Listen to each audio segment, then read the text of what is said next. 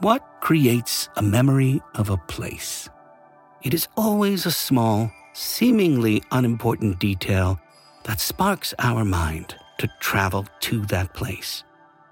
It can be a simple trigger, like a smell, a face in the crowd, or a sound. Our ears have a very good memory. Music can let you relive any moment. Sounds can make you travel through time. You hear something typically Dutch, and you're in Amsterdam. That's right. I Amsterdam offers you a way to visit our city. Not by leaving the house, but by putting on your earphones.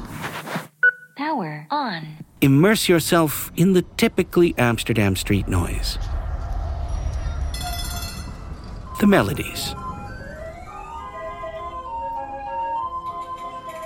The voices. Our loudness.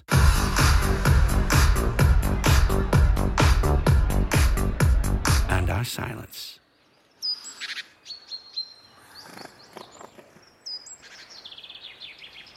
And you will imagine yourself in the middle of our beautiful city.